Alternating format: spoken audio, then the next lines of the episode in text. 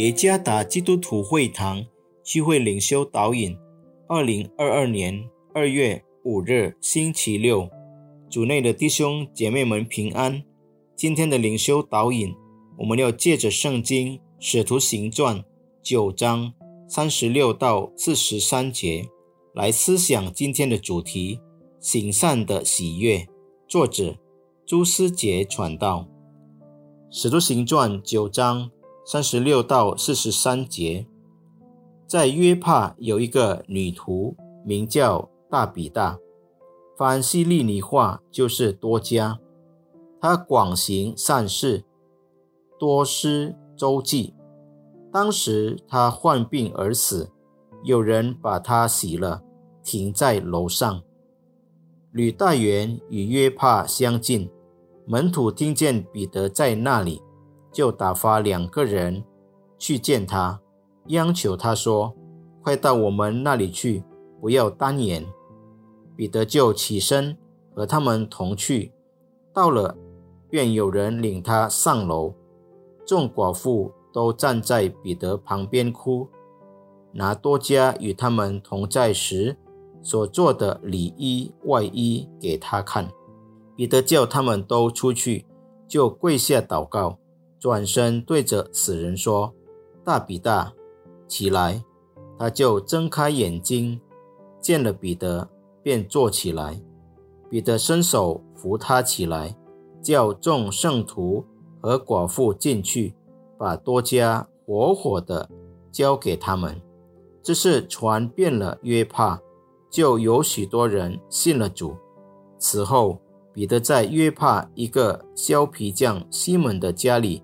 住了多日，对世人来说，行善无益于损害自己，因为当我们做好事时，我们愿意为他人牺牲我们所拥有的东西。然而，对于基督的跟随者来说，这不是损失，而是益处。有一次，我在教堂对流浪儿童社会关怀活动后。问一位老妇人：“女士，对今天的活动有什么看法？很累吗？”她回答说：“是的，很累，但我很开心。”她笑着说道：“约帕有一个女徒，名叫大比大，就是多加，是一位慷慨的女人。她广行善事，多施周济。”第三十六节。他的善良给那些经历他善行的人留下了深刻的印象。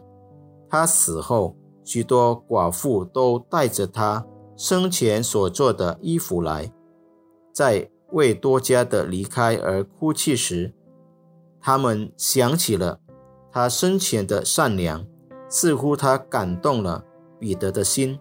他从上帝那里得到了能力，使多家复活了。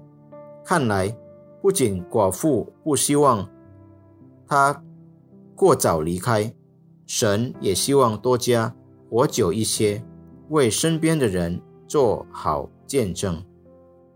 行善有莫大的喜乐。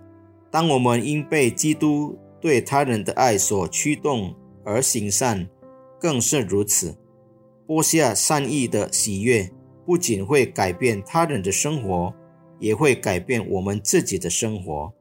当我们行善时，我们就是在执行上帝为这个世界制定的计划。所以，让我们向多加学习，不要不愿意向周围的人播撒善意。对世间看来愚昧的，在天上是莫大的喜悦。愿上帝赐福弟兄弟兄姐妹们。